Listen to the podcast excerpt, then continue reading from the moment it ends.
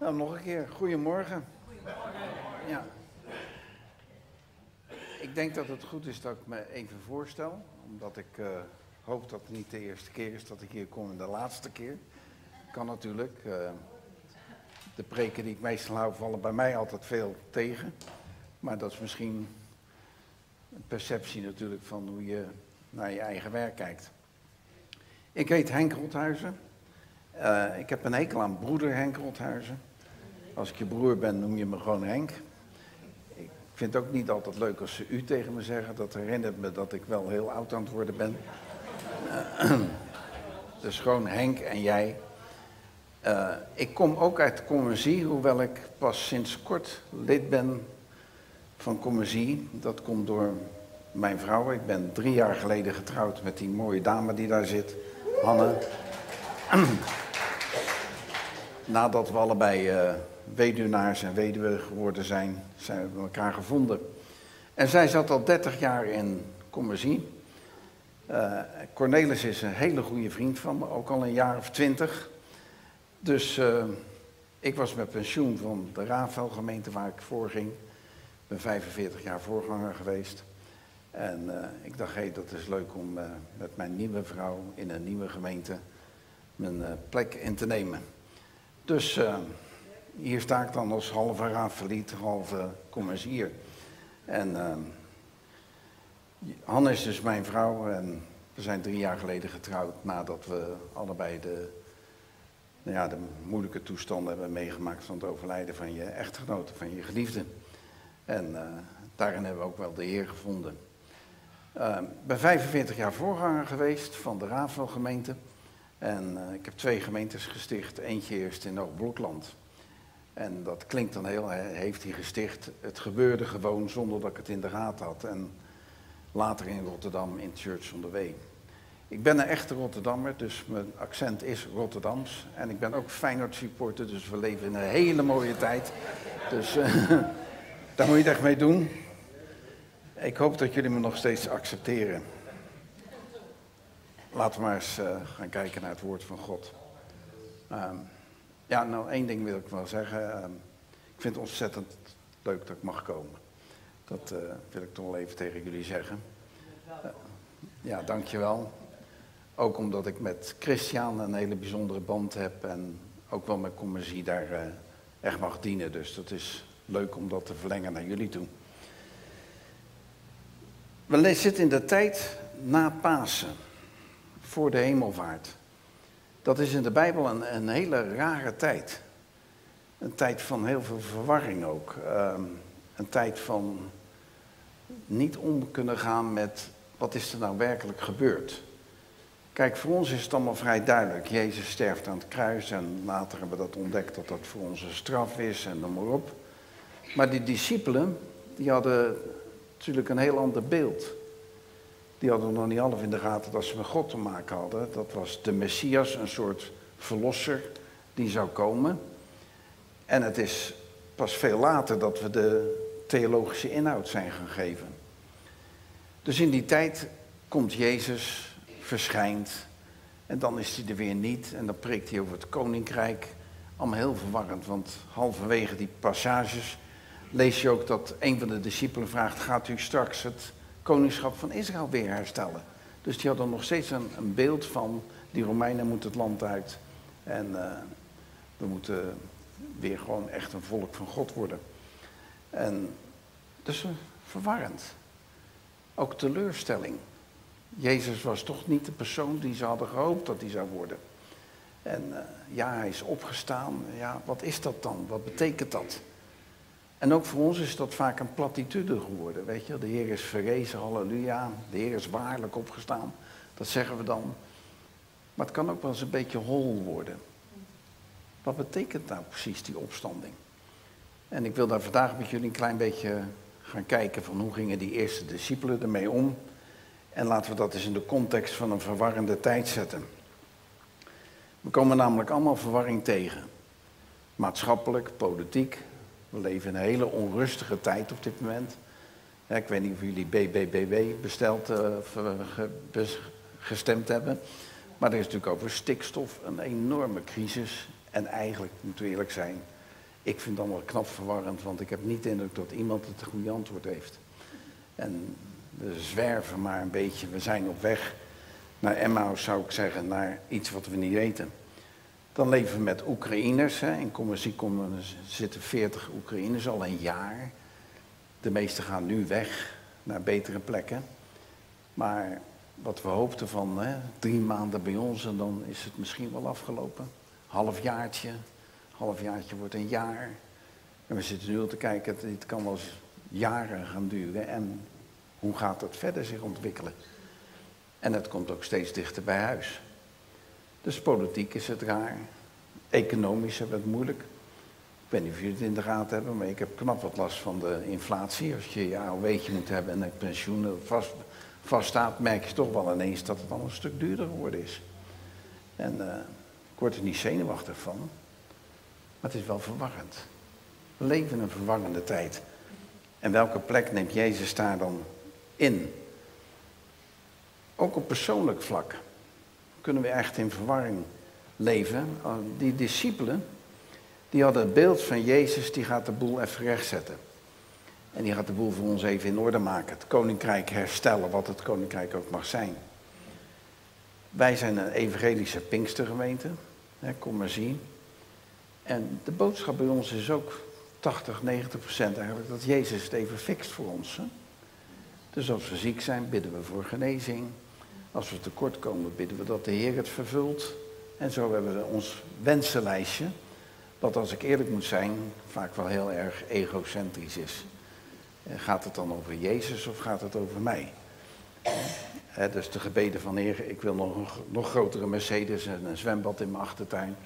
En dan weet je wel dat dat hoogstwaarschijnlijk ook niet doorgaat. Maar dat ligt meer aan mij dan aan de Heer natuurlijk.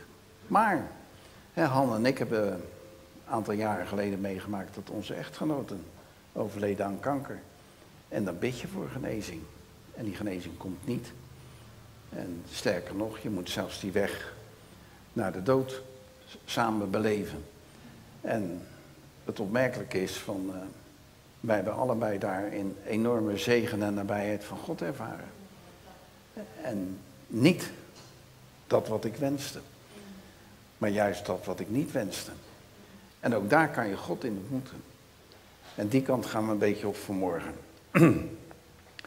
Laten we eens eh, lezen een verhaal waarin Jezus midden in de verwarring stapt. Dat is het verhaal van de Emmausgangers. Ik ga het helemaal met jullie lezen. Vervolgens gaan we zinnetje voor zinnetje ontleden.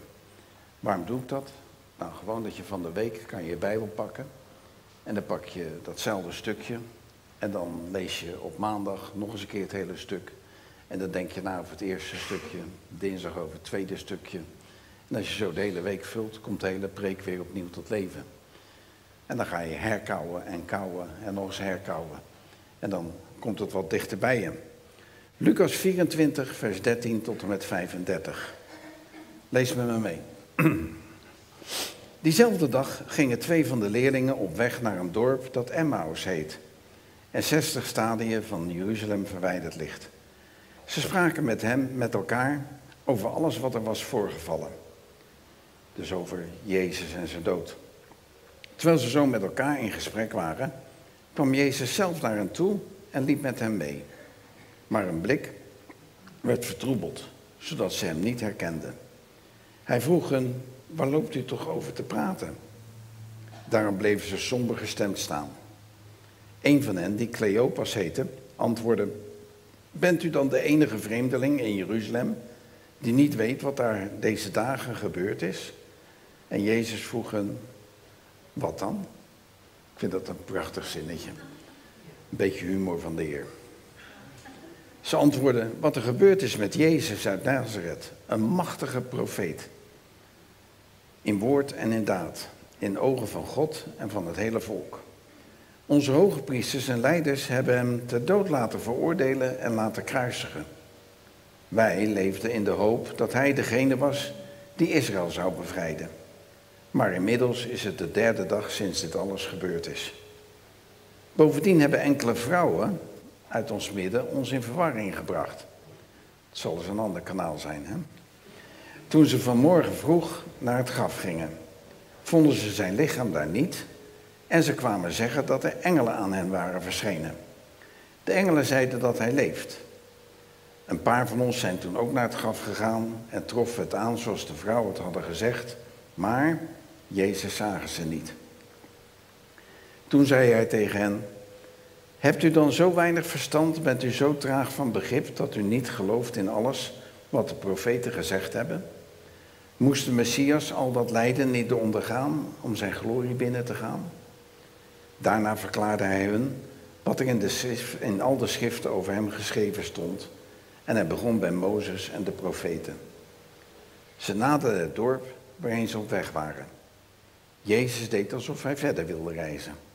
Maar ze drongen er sterk bij hem op aan om dat niet te doen en zeiden, blijf bij ons, want het is bijna avond en de dag loopt ten einde. Hij ging mee het dorp in en bleef bij hen. Toen hij met hen aan tafel aanlag, nam hij het brood, sprak de zegenbeden uit, brak het en gaf het hun. Nu werden hun ogen geopend en herkenden ze hem. Maar hij werd ontrokken aan hun blik. Daarop zeiden ze tegen elkaar, brandde ons hart niet toen hij onderweg met ons sprak en de schriften voor ons ontsloot?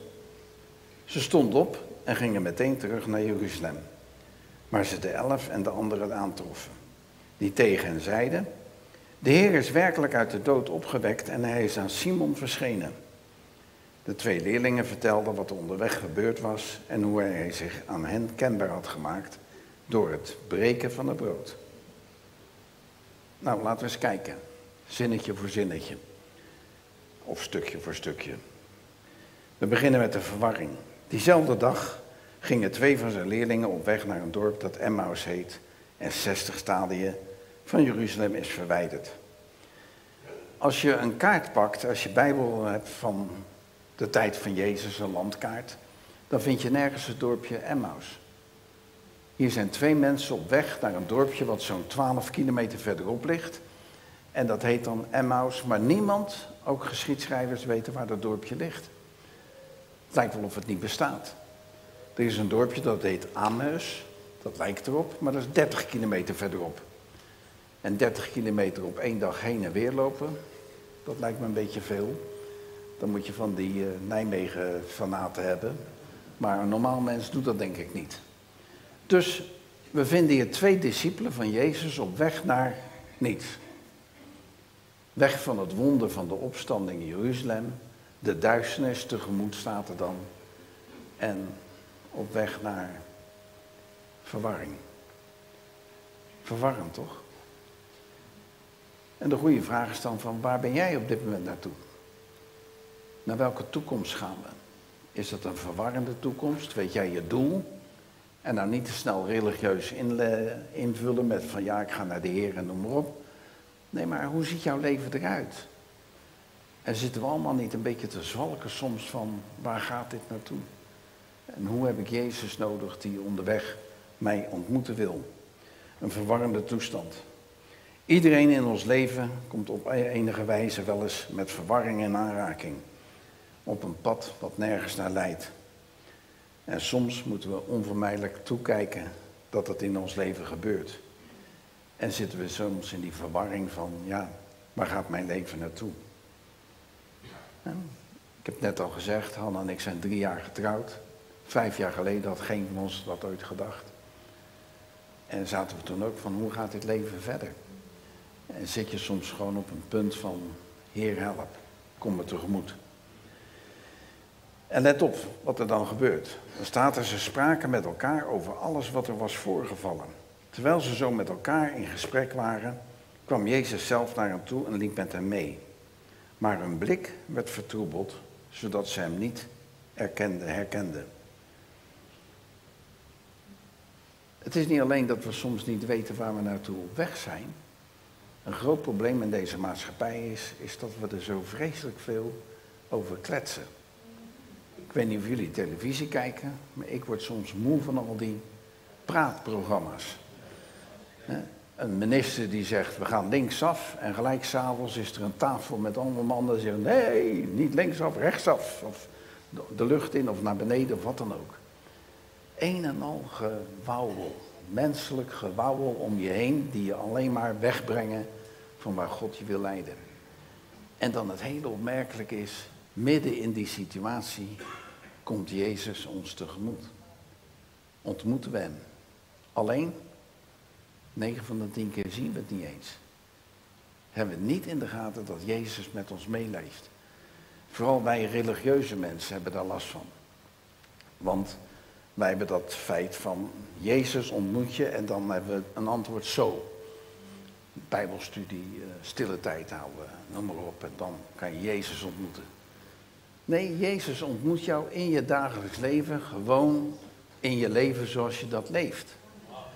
Alleen we moeten erkennen, ik zie het soms niet. Ik heb niet in de gaten dat Jezus al op bezoek is en dat hij al met me meeloopt. We kletsen wat af over de waarheid, over de kerk, over hoe het wel of niet moet, over zorgen, over onze lasten, over onze ziekte. Zoveel zelfs dat onze ogen vertroebeld raken door alle verwarring. Maar in die verwarring stapt Jezus. Wat een geweldig iets. En dan vraagt hij, waar loop je toch over te kletsen? Waar ben je toch mee bezig, Henk? Ik vind dat altijd een van de mooiste, ontnuchterende en goede dingen van Jezus.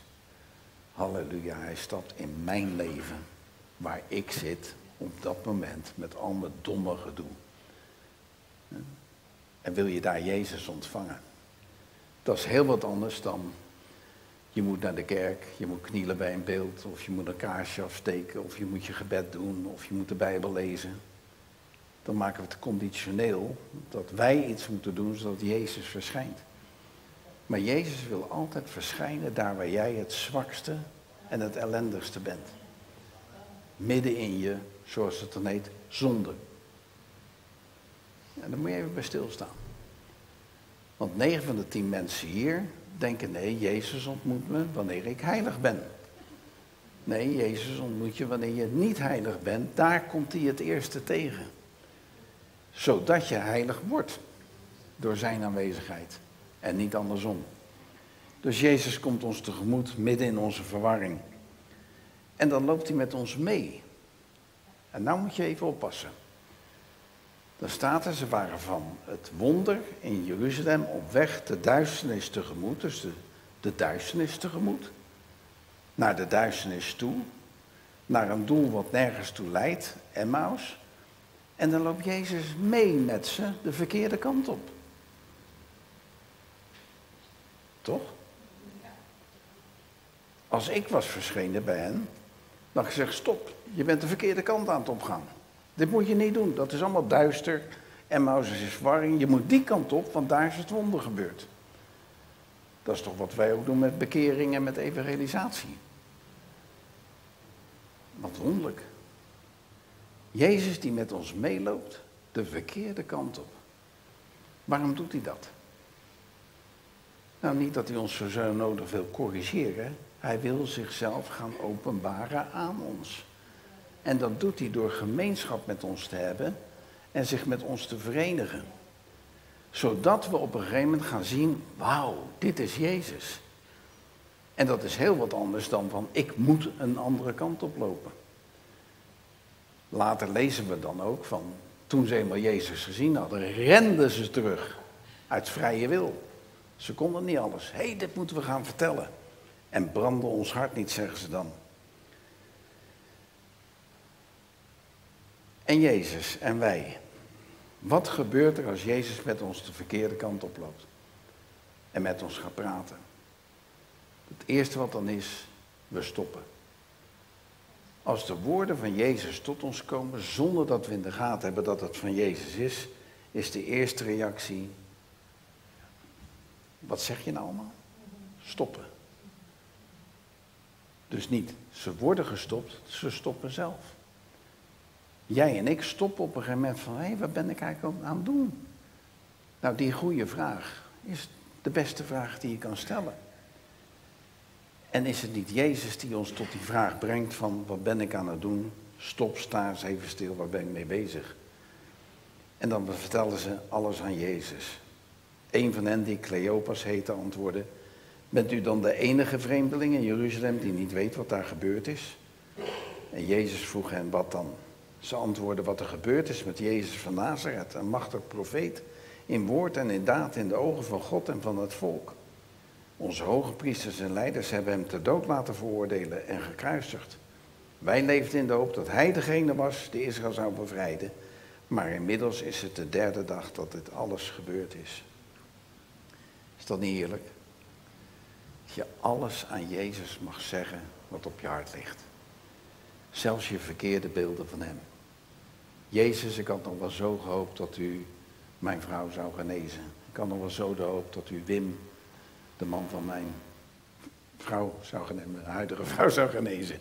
Ja. Hoe vaak hebben we niet die vragen? En Heer, ik ben teleurgesteld dat u dat niet gedaan hebt. Ik heb verdriet. Om dan te ontdekken dat Jezus ook verdriet heeft. Dat hij naast ons staat. Heer, mijn verwachtingen van u waren toch wel wat anders. Ik dacht nog wel dat u wel dat zwembad en die Mercedes zou. Ja. Natuurlijk weet ik dat dat belachelijk is. Maar we vragen toch wel eens wat aan de Heer. Wilt u voorzien in dit en dat? Met kinderen, met kleinkinderen? Nou, is een heel rijtje hoor. En Jezus mag daarin de verlosser zijn. U mag de verlosser van Israël zijn en van mijn gezin. Heer, ik ben teleurgesteld. Ik leefde nog wel in de hoop dat u ons zou genezen. Ik leefde in de hoop dat u mijn kinderen zou redden. Ik leefde in de hoop dat u de gemeente zou leiden met succes en niet met ellende. Ook was ontdekt dat iedere gemeente zo zijn eigen probleem heeft. Loop al 45 jaar mee. Ik ben nog steeds op zoek naar de ene perfecte gemeente. En iemand heeft me verteld, als je hem vindt, moet jij er niet naartoe gaan. Want dan verpest je hem gelijk. In welke hoop leef jij met God? En durf je eerlijk te zijn en daarin ben ik teleurgesteld. Want als je die teleurstelling aan Jezus geeft en vertelt, kan die gaan antwoorden. Verwachtingen vasthouden zonder dat er een gesprek plaatsvindt. Vertel hem alles. Zelfs je verwarring. Zij vertellen waarom ze verward zijn. Dat heeft met vrouwen te maken, blijkbaar. Bovendien hebben enkele vrouwen uit ons midden ons in verwarring gebracht. Heel opmerkelijk. De eerste apostelen waren vrouwen. Ja. Jezus openbaart zich het eerst aan vrouwen. Hoe dom kan je zijn om in die tijd iets nieuws in de wereld te brengen? Want in die tijd waren vrouwen gewoon tweederangs. En Jezus zegt, weet je wat? Ik maak bekend dat ik ben opgestaan, dat doe ik via vrouwen. Dus hij openbaart zich aan een aantal vrouwen. Die gaan terug naar de discipelen en de discipelen gaan gelijk onderzoeken of dat al waar is. En dan vinden ze een leeg graf, dus het is waar. Maar ze vinden Jezus niet. Jezus vind je nooit door te gaan kijken hoe een ander Jezus heeft ontmoet en na te gaan doen wat zij ook doen. En wij doen dat altijd. De eerste discipelen deden dat bij de opstanding als Jezus verschijnt in de bovenkamer. Dan staat er dat ze bang waren van de mensen en dat ze de deur op slot deden en dat ze daar bang zaten te wezen en dat Jezus verschijnt. Dan staat er een eentje verder dat ze een paar dagen later weer bij elkaar kwamen en dus de deur op slot doen, want anders kan Jezus niet verschijnen. Want vorige keer hadden we de deur op slot gedaan, dus. Hoe vaak doen we dat niet? Oh, dat was een fijne dienst. En toen deden we dat en toen deden we dat. Weet je wat, volgende keer gaan we dit doen en dat doen. En dan komt Jezus weer. Nee, Jezus komt waar jij bent. Midden in jou. En dan mag ik noemen hoe het is. In je succes en in je teleurstelling. Hij komt gewoon bij jou op visite zoals je bent. En niet via een trucendoos. Twijfel en verwarring. Waren dat slechte discipelen? Nee, natuurlijk niet. Heeft niks te maken met hun intellect. Want de openbaring dat Jezus de Zoon van God is, komt nu pas tot leven na de opstanding. En heeft ongeveer een eeuw geduurd voordat de christenen met elkaar helemaal eens waren, Jezus is God. Kan niet anders. Dat was niet zo direct bekend. Vooral Paulus heeft daar veel voor gedaan, maar die heeft ook een openbaring van Jezus gehad. Waar het om draait is dat we Jezus alleen kunnen zien wanneer er een openbaring van God de Vader bij ons komt. Hoe gaan we dat doen? Nou, allereerst door naar Jezus te luisteren. Toen zei hij tegen hen, heb je dan zo weinig verstand en bent u zo traag van begrip dat u niet gelooft in alles wat de profeten gezegd hebben? Moest de Messias al dat lijden niet ondergaan om zijn glorie binnen te gaan? Daarna verklaarde hij hun wat er in al de schriften over hem geschreven stond. En hij begon bij Mozes en de profeten. Jezus gaat uitleggen. En nou mag je luisteren. En dan doet hij dat vanuit wat wij dan noemen het Oude Testament. Mozes en de profeten. Hé, wat wonderlijk. Wij hebben heel gauw de neiging te zeggen, oh ja, de Bijbel. Je moet daar wel bij oppassen van, als ik de Bijbel lees, kan ik er van alles uithalen. We hebben in Rotterdam net een studie gedaan over openbaring. En dan heb je drie of vier verschillende visies over openbaring. Waarvan de een zegt, ik heb de waarheid. En de ander zegt, nee, ik heb de waarheid. En weer een ander heeft de waarheid. Mijn vader heeft er ook een boek over geschreven. Die was erg voor de vooropname van de gemeente. En ik weet nog wel, u ook. ik weet nog wel dat er toen mensen waren die kwamen in opstand. Nee, het is na de grote verdrukking. Allemaal kletsen. Het gaat om de openbaring van Jezus, hoe die tot ons komt. En ik kan je wel vertellen van, het maakt mij niet zoveel uit hoe die terugkomt, maar dat hij terugkomt, dat is belangrijk. En dat waarop, we gaan hem zien. Dus even dat de Bijbel even neerzetten. Als Jezus de Bijbel gebruikt, de schriften, dan heeft hij het over de openbaring van Jezus in de schriften. Oude Testament, profeten, getuigden al van hem. Hij heeft het niet over Bijbelstudie en dat wij weten wat de waarheid is door de Bijbel te lezen. Dat zit heel dicht bij ons geloof. dus de, de woorden van ja, maar de Bijbel zegt. De Bijbel zegt zoveel. We hebben op dit moment 26.000 verschillende protestantse kerken die van meningen verschillen en die allemaal menen, wij hebben de waarheid, want de Bijbel zegt. Blijkbaar zegt de Bijbel dus heel veel. Wat de Bijbel zegt is, Jezus is het waar het om draait. En die openbaring van Jezus kan je ook vinden in de, in de schriften wat Jezus noemt. Heel kenmerkend. Want Jezus zegt zelf, u bestudeert de schriften en u denkt daardoor dus in die schrift eeuwig leven te vinden. Wel nu, de schriften getuigen van mij, maar bij mij wil je niet komen om het te ontvangen. Oeh. Dus ik kan heel druk bezig zijn met mijn Bijbeltje. Lekker onderstrepen wat ik allemaal weet uit de Bijbel. En compleet missen dat het om Jezus gaat. En hoe mooi is het dat wij domme mensen, dan schakel ik me graag aan die kant, bij Jezus kunnen komen.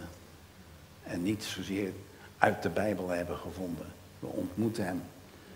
Mijn moeder is daar het mooiste voorbeeld van. Mijn vader was voorganger van de volle evangeliegemeente Rotterdam. Dus ik kom uit een voorgangersgezin met alle ellende van dien. Ja, Nessus Cornelis, daar vinden we elkaar. Religieus opgevoed. En als ik dan een vraag had aan mijn moeder over het koninkrijk van God of over openbaring, dan zei ze: Jongen, dat moet je maar aan je vader vragen, die weet dat wel. Maar, en dan begon ze. En dan begon ze altijd te vertellen over Jezus en de liefde van God de Vader. Mijn moeder kende Jezus. En als het om bijbelstudie ging, zei ze, moet je bij je vader wezen. Weet je? Heel opmerkelijk. ik zou wat zeggen, van wie heb ik nou het meeste geloof overgenomen? Van mijn moeder. Want die kende Jezus. Heel simpel, heel eenvoudig. Ze had hem ontmoet. Mijn vader overzogen natuurlijk. Maar je snapt het wel. Je kunt leven ontvangen in je verwarring door bij Jezus te komen. En als de schriften opengaan en je naar Jezus wijzen, krijg je die openbaring. nog één ding over de Bijbel. Het gaat in het geloof niet om de juiste uitleg van de Bijbel. Schrap dat alsjeblieft in je hoofd. Het heeft mij jaren gekost om dat los te durven laten. Het gaat om de relationele omgang met Jezus. Ja. Toon mij een christen die kan zingen welke vriend is onze Jezus en dat van harte in zijn hart heeft. En ik toon je een christen. Toon mij iemand die precies weet wat er in de schrift staat en ik toon je een theoloog. En die hoeft nog geen christen te zijn. Toch? Ik heb het er met Anne vaak over. Ik hoop één ding, dat ik geen theoloog word, maar dat ik nog steeds in Jezus kennen blijf. Ja. In die omgang biedt Jezus zich aan. En wandelt hij met je mee, of je naar linksaf gaat of rechtsaf gaat. Wat kunnen we dan doen als hij met ons meewandelt? Dus nu zitten we op het punt, Jezus wandelt met jou mee, midden in je leven zoals je dat nu leeft. Oké, dat aanvaarden we. Ik zie hem nog niet, maar ik weet dat hij bij me is en altijd met me meewandelt. Zie, ik zal u nooit begeven, nog verlaten, zegt de Heer. Hij wandelt met je mee. Zelfs wanneer hij alle stomste dingen doet die je toch doet. Wandelt hij gewoon met je mee. Wat kan je dan doen? Nou, we konden naar hem luisteren. Je kan nog wat doen en dat is hem uitnodigen. Ze naderden het dorp waarheen ze op weg waren. Jezus deed alsof hij verder wilde reizen. Maar ze drongen er sterk bij hem op aan om dat niet te doen en zeiden: Blijf bij ons, want het is bijna avond en de dag loopt ten einde. Hij ging mee het dorp in en bleef bij hen. Het is één ding om te stoppen met je verwarring. Hier, waar ben ik allemaal mee bezig? Dan ga je luisteren. Wat zegt de Heer nou allemaal? Ik snap er niks van. Dan komt de volgende stap. Vraag hem binnen. Kom in relatie met hem. Knoop de verbinding aan. Heer, ik wil gewoon in stilte bij u zijn. Ik heb genoeg gehoord. Het begint wat te dagen. Maar ik heb meer van u nodig. Vanmorgen in de dienst, in de voorbeden, bad iemand van: Ik heb honger naar u. Heerlijk. Ik wil u ontmoeten. Ik wil dicht bij u zijn. Kom in mijn huis. Hanna en ik doen dat iedere ochtend door samen avondmaal te vieren en onze dag met hem te beginnen. We zijn gepensioneerd, dus wij kunnen dat lekker op onze dode akkertje te doen. Heerlijk bevrijdend. Soms ook een beetje saai. Maar we doen het, want hij is er. En hij weet dat ik er ben, dus wat mij betreft is het allemaal in orde. En we doen het gewoon in trouwe omgang met hem. Hem uitnodigen waar je bent. En dan heel opmerkelijk, het is in de gemeenschap die we met Jezus hebben, bij het breken van het brood, dat Jezus zich openbaart. En dat is een eye-opener. Want voor ieder is het mogelijk het brood met hem te breken. Of dat nou avondmaal is, of dat het nou gewoon in je natuurlijke omgang is, of dat nou bij je ontbijttafel is of je avondmaaltijd. We nodigen Jezus uit in ons leven te komen en gemeenschap met ons te hebben. En dan komt het nieuwe leven, het opstandingsleven naar boven. Gemeenschap is daar een prachtig woord voor. Wij kennen het Nederlandse woord gemeenschap natuurlijk op verschillende manieren. De gemeenschap van gelovigen, maar ook gemeenschap als seks. En dat woord is hetzelfde, maar ook in het Hebreeuws. Abraham kende Sarah en kreeg een kind. Het kennen in de oude Statenvertaling. Als jij en ik gemeenschap met God hebben, intieme omgang met Hem, komt een nieuw leven. Dat kan niet anders dan waar liefde mensen bindt, gebeurt iets nieuws. Nou, dat is toch fantastisch? Om dicht bij Hem te komen en Hem de kans te geven. Jezus kennen is niet hetzelfde als veel Bijbelkennis. Jezus kennen is tijd met Hem doorbrengen in intimiteit. Natuurlijk past de Bijbel erbij. Maar het gaat niet om meer weten. Het gaat om beter kennen. Jezus kennen. En de kracht van zijn opstanding, zegt Paulus. Waarom? En dan komen we bij het laatste. Zodat wij het leven van Jezus kunnen delen met anderen. Ze stonden op, gingen meteen naar Jeruzalem, waar de elf en de anderen aantroffen. Die tegen hen zeiden, de Heer is werkelijk uit de dood opgewekt en hij is aan Simon verschenen. De twee leerlingen vertelden hem wat er onderweg gebeurd was en hoe hij zich aan hen kenbaar had gemaakt door het breken van het brood. Twee mensen op weg naar verwarring. Ze weten niet hoe het leven ervoor staat. Jezus wandelt met zich mee een heel end verderop de duisternis tegemoet. Ze Rotterdams gezegd, dat was hun probleem. Dus dat teringend moesten ze zelf teruglopen. Het was een endlopen. en ik vind dat humor van God. Want het leuke is, als ze eenmaal Jezus ontmoet hebben, dan staat er dat hun hart brandde van verlangen en ze renden terug naar de, hun vrienden. Om te vertellen, we hebben Jezus ontmoet. Hij leeft echt. Ik heb Jezus ontmoet. En daar moet mijn hart vol van zitten. En dan komen ze bij die anderen en dan staat er dat kleine zinnetje, dat die anderen al zeggen, Jezus is werkelijk opgestaan, want hij is aan Simon Petrus verschenen. Aan Simon. Dus op de eerste dag van de opstanding is Jezus eerst die drie vrouwen gaan bezoeken. Die gingen het aan de apostelen vertellen. En dan ergens heeft hij Simon Petrus ontmoet. Opmerkelijk, hè? En verder staat er niks. Hebben jullie wel spreken gehoord uit Johannes dat Jezus later een vuurtje maakt aan een meer? En dat Petrus bij Jezus moet komen van, hé, hey, hou je wel werkelijk van me? Ken je dat? Hier staat dat hij hem al lang ontmoet had. En mijn vader zei dat dat zo mooi. En wat die twee te bespreken had, was tussen hun. Dus daar gaat jou niks aan. Misschien heeft Peter daar al gezegd, ik was teleurgesteld en nu weer, ik heb u verlogend. En de Heer kom op maatje, we gaan weer verder, want je zag het niet. En bij het vuur is de aanstelling van zijn roeping. Wat jij en ik ontvangen in gemeenschap met Jezus, mag je aan anderen doorgeven. Sterker nog, je hebt het verlangen dat aan anderen door te geven. Jongens, ik heb Jezus ontmoet. Moet je eens horen. En mijn goede vraag aan jou is, heb je Jezus ontmoet? Of ben je nog steeds op weg? Ben je bewust dat hij met je meeloopt? Of zie je uit naar die ontmoeting die misschien straks gaat komen, midden in die problemen waar je nu in zit? Mijn hoop en mijn verwachting is op u, Heer. En kunnen we met vreugde gaan zeggen, ik heb de Heer ontmoet. Ik weet het, hij is waarlijk opgestaan. Hij is mijn Heer en Heiland. Zullen we stil zijn? Ik weet niet hoe jullie normaal afsluiten, maar misschien mag ik dat doen. Ik zou het fijn vinden als je gewoon even nadenkt en de allereerste principes voor waarheid aanneemt. Jezus wandelt met mij mee, zelfs wanneer ik de verkeerde kant op ga. Het zit hem niet in, ik moet het goed doen. Het zit hem in, hij ontmoet mij. Hij is op zoek naar mij. En als we dat als eerste waarheid nou eens in ons hart meenemen deze week. En vervolgens gaan zeggen, Heer, vanuit die positie wil ik u ontmoeten. Maar nog meer, ik wil u beter leren kennen. Ik wil Jezus zien, mijn heiland en mijn Heer. Amen.